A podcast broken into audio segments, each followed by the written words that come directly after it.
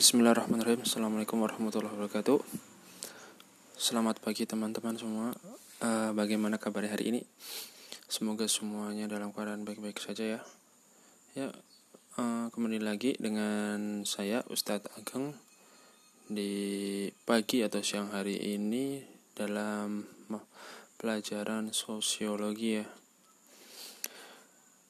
Ya, uh, untuk hari ini insya Allah nanti kalian seperti sejarah kemarin akan ada sebuah podcast. Podcastnya ini berkaitan dengan materi sosiologi untuk konflik sosial ya. Apa bahasannya di sini terkait uh, Indonesia corona dan lockdown ya. Mungkin tema ini kalian sudah pernah denger atau pernah baca di internet ya. Nah, nanti kalian akan menekan dua buah podcast ya.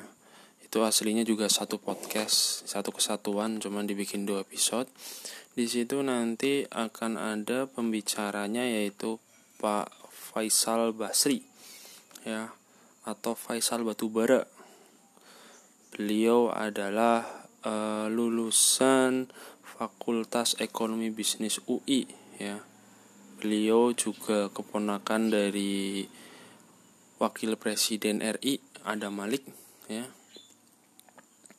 Beliau juga merupakan uh, peraih gelar Master of Arts bidang ekonomi di Vanderbilt University Nashville, Tennessee, Amerika. Tenis Amerika ya. Ya, sekarang beliau sedang uh, aktif sebagai pengajar uh, konsultan di beberapa lembaga ya. Nah, di sini uh, Pak Faisal Basri akan mengomentari atau ikut berbicara tentang bagaimana uh, tentang Indonesia di saat wabah corona ini dan tentang isu lockdown. Nah, sekarang mungkin kalian sudah sering dengar lockdown, lockdown, lockdown, tapi lockdown yang sebenarnya gimana? Imbas dari lockdown gimana? Terus untuk lockdown itu gimana? Nah, nanti kalian dengarkan saja semuanya. Uh, kalau bisa pakai headset sambil santai nggak apa-apa sambil santai mungkin kalian mau sambil eh, ngopi-ngopi jajan-jajan atau rebahan pasang headset sambil dengerin tapi jangan tidur ya. Jangan tidur ya. Sambil ini. Ya nanti bisa kalian dengarkan.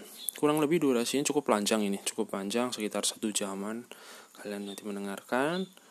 Nanti ada beberapa quest pasca kalian mendengarkan podcast ini. Questnya nanti bisa dilihat seperti biasa di Google Classroom ya. Ya.